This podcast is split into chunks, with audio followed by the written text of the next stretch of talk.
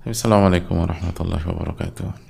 Bismillahirrahmanirrahim. Alhamdulillahi rabbil alamin wa bihi nasta'in ala umuri dunya wa din wa salatu wassalamu ala ashrafil anbiya wal mursalin wa ala alihi wa sahbihi ajma'in wa ba'd. Allahumma salli wa sallim wa barik wa an'im ala nabiyyina Muhammadin wa Hadirin Allah muliakan khususnya ibu-ibu sekalian Alhamdulillah kita panjatkan puji dan syukur kita kepada Allah atas segala nikmat dan karunia Allah berikan kepada kita. Sebagaimana salawat dan salam semoga senantiasa tercurahkan kepada Rasulullah alaihi salatu wassalam beserta para keluarga para sahabat dan orang-orang yang istiqomah berjalan di bawah naungan sunnah beliau sampai hari kiamat kelak. Hadirin Allah muliakan Alhamdulillah kita panjatkan puji dan syukur kita kepada Allah Subhanahu wa taala yang kembali mempertemukan kita di kajian ini. Dan semoga Allah memberikan kita ilmu uh, ilmu nafi dan uh, amalan saleh yang bisa kita terapkan dalam kehidupan kita sehari-hari. Jamaah yang Allah muliakan kita akan kembali bersama Ibnul Qayyim rahimahullahu taala uh, dalam kitabnya Al-Wabil Sayyib. Dan kita sedang membahas hadis uh, yang diriwayatkan Imam Ahmad dan Tirmidzi hadis yang uh, hendaknya kita uh, pelajari dan renungkan. Hadis Al Harith Al Ashari ketika Allah perintahkan Nabi Yahya untuk mengamalkan lima perkara dan mengajak umat untuk mengamalkan hal tersebut atau mengajak Bani Israel lebih tepatnya menjalankan lima perkara itu.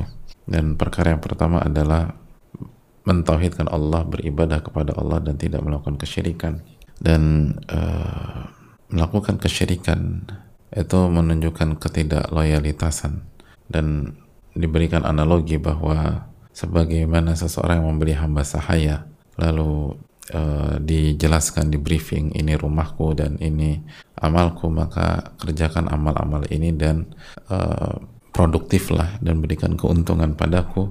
Eh ternyata pada kenyataannya hamba saya ini bekerja untuk orang lain bekerja untuk orang lain dan memberikan keuntungan untuk orang lain. Lalu dikatakan fa'ayyukum yarda an yakuna abduhu kadzalik. Siapa yang siapa yang ridho kalau punya hamba saya seperti itu? Gak ada yang ridho. Falillahil mathalul a'la. Apalagi Allah Subhanahu wa taala. Kias aula. Kenapa ada ada orang memperlakukan Allah seperti itu? Allah yang menciptakan, Allah yang memberikan kita tubuh, Allah memberikan kita nyawa, Allah memberikan kita otak, Allah yang memberikan kita pikiran, Allah yang memberikan kita rasa, Allah yang memberikan kita panca indera, Allah yang memberikan kita tangan dan kaki, Allah yang memberikan kita jantung, Allah yang memberikan kita paru-paru, Allah yang memberikan kita uh, darah, Allah yang membuat jantung kita berdetak. Semuanya pemberian dari Allah Taala. Lalu kok bisa Anda beribadah kepada selain Allah? Kok Anda bisa mencintai selain Allah Subhanahu wa taala dengan cinta dengan cinta ibadah? Itu hal yang nggak bisa diterima. Dan kalau kita tidak ridho, kita punya hamba saya seperti seperti itu, masa kita ridho kita perlakukan Allah Subhanahu wa taala seperti itu? Itu hal yang sangat nggak pantas. Makanya Allah berfirman tentang kesyirikan dalam surat Luqman ayat 13, "Inna syirka la dzulmun azim." Sesungguhnya kesyirikan adalah dosa kezaliman yang paling parah. Kezaliman yang paling parah hadirin. Lalu yang kedua yang berikutnya apa perintah Allah Subhanahu wa taala? Wa Allah amarakum bisalah. Sesungguhnya Allah perintahkan kalian untuk menegakkan salat. Fa idza shallaitum fala taltafitu. Kalau kalian sudah salat, maka jangan iltifat. Atau jika kalian salat, kalau kalian salat, jangan iltifat, jangan menoleh. Jangan menoleh. Fa inna Allah yansibu wajhahu liwajhi abdihi fi salati ma lam yaltafit. Karena Allah Subhanahu wa taala uh, fokus pada wajah hambanya ketika dia sedang sholat selama hamba itu tidak menoleh. Selama hamba itu tidak menoleh. Jadi Allah subhanahu wa ta'ala kata Nabi SAW jangan eh maaf Allah perintahkan kepada Nabi Yahya dan Bani Israel sholatlah dan jangan menoleh dalam sholat. Jangan menoleh dalam sholat. Karena Allah subhanahu wa ta'ala menatap memandangi wajah ke wajah hambanya ketika hamba itu sholat selama hamba itu tidak menoleh ini adalah larangan menoleh secara secara khusus dan larangan untuk uh, kehilangan kehusyuan dalam sholat dan gerakan-gerakan yang tidak diperlukan. Dan ini PR besar bagi kita. Ini PR besar bagi kita. Bagaimana uh, kita bukan hanya disuruh untuk makanya lihat lihat perintahnya sholat dan jangan menoleh sholat dan jangan menoleh. Ini ini menunjukkan bahwa kita bukan hanya diperintahkan untuk mengerjakan ibadah, tapi kita diperintahkan juga untuk khusyuk ketika beribadah. Sekali lagi kita bukan hanya diperintahkan untuk ibadah, tapi kita juga diperintahkan untuk khusyuk ketika ibadah. Makanya Allah berfirman dalam surat Al-Mu'minun, apa kata Allah? Qad aflahal mu'minun dalam ayat 1 dan ayat 2. Qad aflahal mu'minun. Sungguh beruntung orang-orang yang beriman. Siapa mereka? Alladzina hum fi salatihim khashi'un. Mereka adalah orang-orang yang ketika salat khusyuk. Orang-orang yang salatnya khusyuk, bukan hanya salat. Allah nggak mengatakan alladzina hu alladzina yusallun. Tapi alladzina hum fi salatihim khashi'un. Sungguh beruntung orang-orang yang beriman, yaitu orang-orang yang kalau salat khusyuk, khusyuk dalam salat. Apa yang mereka dapatkan? Ayat ke-10, ayat ke-11 coba kita lihat. Dalam surat yang sama, ayat ke-10 dan 11, Ulaika humul warithun. Mereka lah ahli waris. Ahli waris apa? Alladzina yarithun al-firdausa hum fiha khalidun. Ayat ke-10 dan 11 Allah berfirman, mereka lah ahli waris. Ahli waris apa? Harta? Bukan. Orang-orang yang mewariskan atau orang-orang yang mewarisi surga Firdaus dan mereka kekal di dalamnya mereka kekal di dalamnya. Nah, siapa orang-orang yang khusyuk itu dalam Al-Mu'minun ayat 2? Kita kembali ke Al-Mu'minun ayat 1 dan 2, yaitu orang-orang yang khusyuk ketika sholat. Al-Hasan Al-Basri, hadirin dan ibu sekalian menjelaskan, orang-orang yang khusyuk ketika sholat di dalam ayat ini adalah karena khusyu'hum fi qulubihim. Khusyuan mereka ada dalam hati mereka. Faghaddu bidzalika absarahum.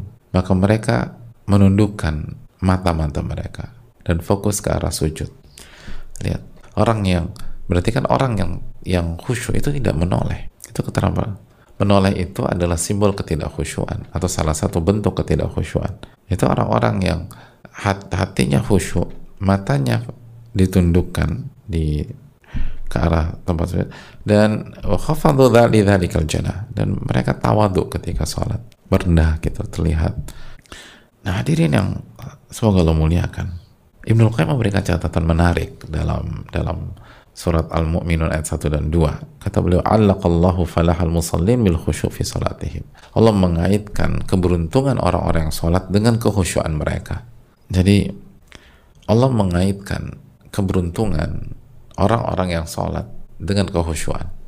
Sebagaimana Allah mengaitkan keberuntungan orang-orang beriman dengan sholat yang khusyuk. Jadi ini keberuntungan dikaitkan dengan kekhusyuan.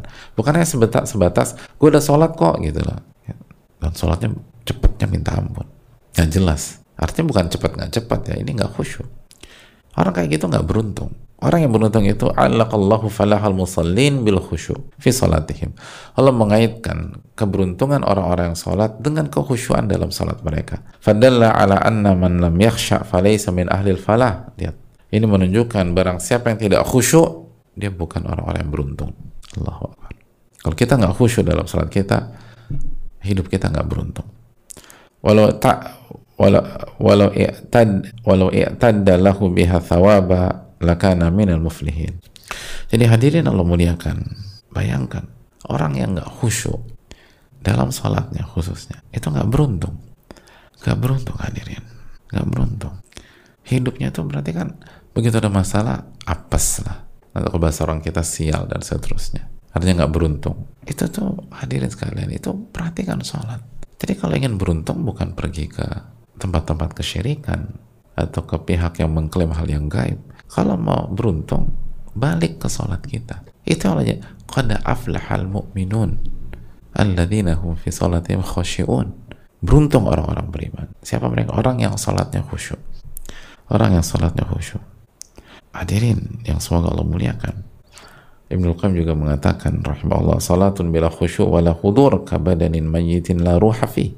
Salatun bila khusyuk wala hudur. Salat yang tidak ada khusyuan dan tidak menghadirkan hati itu seperti badan yang mungkin uh, terlihat uh, atletis, tegap, tampan, cantik, tapi nggak ada ruhnya, mati, mati. Gitu. Lalu lihat sebuah kalimat tanya Ibnu Qayyim yang sangat tajam. Afala yastahil abdu an yuhdiya ila makhlukin mithlihi abdan mayyita. Apakah nggak malu seseorang kalau ia menghadiahkan kepada manusia lainnya makhluk yang mati makhluk yang mati Ibnu Qayyim rahimahullah menjelaskan ini ketika atau ulama menjelaskan ini itu ketika di masa ad, apa di masa yang ada uh, perbudakan dan hamba sahaya. Dan hamba saya itu kan salah satunya dijadikan hadiah dulu. Nah kata ulama em, emang nggak malu ya kasih teman anda itu? Hamba saya yang udah mati yang udah meninggal. Ya orang meninggal itu dikubur. Kok dikasih orang? Gitu. Mak, ngerti nggak maksudnya? Jadi emangnya anda itu ketika sholat anda berikan memberikan persembahan kepada Allah. Lalu yang anda berikan itu diri anda yang mati sholat yang mati sholat yang mati. Sholat anda itu mati. Karena nggak ada keusyuan kalau mungkin contoh itu contoh masa lalu ya. Kalau contoh sekarang misalnya ada orang suka suka misalnya suka kuda gitu kuda. Terus dia kasih eh, saya mau kasih teman-teman saya yang pencinta kuda seekor kuda. Eh dikasih kuda mati. Emang ada gunanya kuda mati? Ya kalau begitu kenapa kenapa ada orang menyerahkan sholat yang mati dalam tanda kutip dan ini sangat disayangkan hadirin Allah muliakan dan harus kita evaluasi diri masih ingat ucapan Umar bin Khattab radhiyallahu taala, "Inna rajula la yashib fil Islam wa lam yukmilillahi raq'atan wahidah." Kata Umar bin Khattab, renungkan baik-baik. Sesungguhnya ada orang dia hidup sudah lama, udah tua, udah beruban dan dari dia balik, akil balik maksudnya, dari akil balik sampai dia setua ini, semua rambutnya udah penuh dengan uban. Setua ini, dia belum pernah sholat khusyuk walaupun satu rakaat sekali dia nggak pernah sholat walaupun satu rakaat sekali nggak pernah salah sholat Gila, kaifa ya Amirul Mukminin? Ada pertanyaan, gimana kok bisa? La yutimu ruku'ah wala sujudah. Dia nggak menyempurnakan ruku dan sujudnya. Dia nggak khusyuk ketika ruku, nggak khusyuk ketika sujud, nggak ruku, nggak khusyuk ketika baca Al-Fatihah. Nggak ada khusyuk. Puluhan tahun sholat nggak ada khusyuk. Semoga Allah memberikan taufik kepada kita.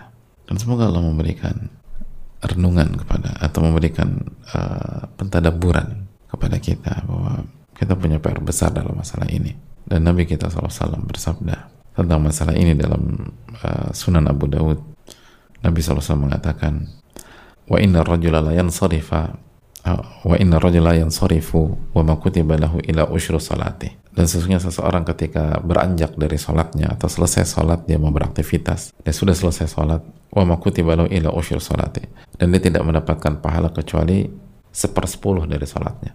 Tus'uha ada yang sepersembilan. Thumunuha ada yang seperdelapan sumu'uha ada yang sepertujuh. Sudusuha ada yang seperenam. Khumusuha ada yang seperlima. Rubu'uha ada yang seperempat. Thuluthuha ada yang sepertiga onisfuha atau nisfuha ada yang setengah kenapa? itulah kualitas kehusyuannya dia mendapatkan pahala sesuai dengan kualitas kehusyuannya jika sholatnya sesuai dengan sunnah Rasulullah SAW dan ikhlas karena Allah jadi hadirin, ini bukan perkara mudah dan ini bukan perkara ringan dan semoga Allah memberikan taufik kepada kita dan itulah perintah kedua, salat khusyuk. Dan ini perintah kepada para nabi dan umat mereka. Dan ini juga perintah kepada kita. Semoga Allah memberikan taufik semoga Allah menjaga khusyuk salat kita. Wassalamualaikum warahmatullahi wabarakatuh. Assalamualaikum warahmatullahi wabarakatuh.